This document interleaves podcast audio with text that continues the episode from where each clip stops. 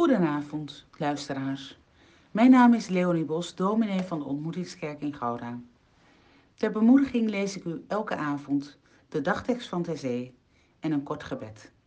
Wilt u meer weten, kunt u zoeken naar www.ontmoetingskerkgouda.nl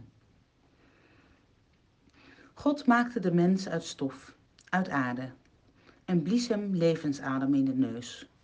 Zo werd de mens een levend wezen.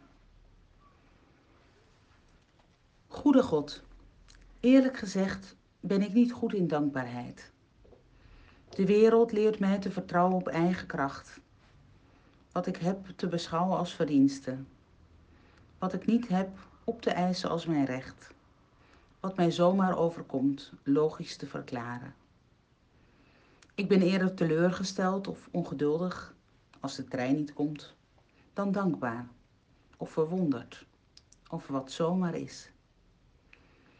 Goede God, vergeef mij dat ik vaak zo vanzelfsprekend neem in plaats van te ontvangen uit uw hand. Wil mijn dankbaarheid aanvaarden voor deze dag, gezondheid, vriendschap, welvaart, vrede, heel de mooie schepping om mij heen. Met hart en ziel wil ik u danken. Amen.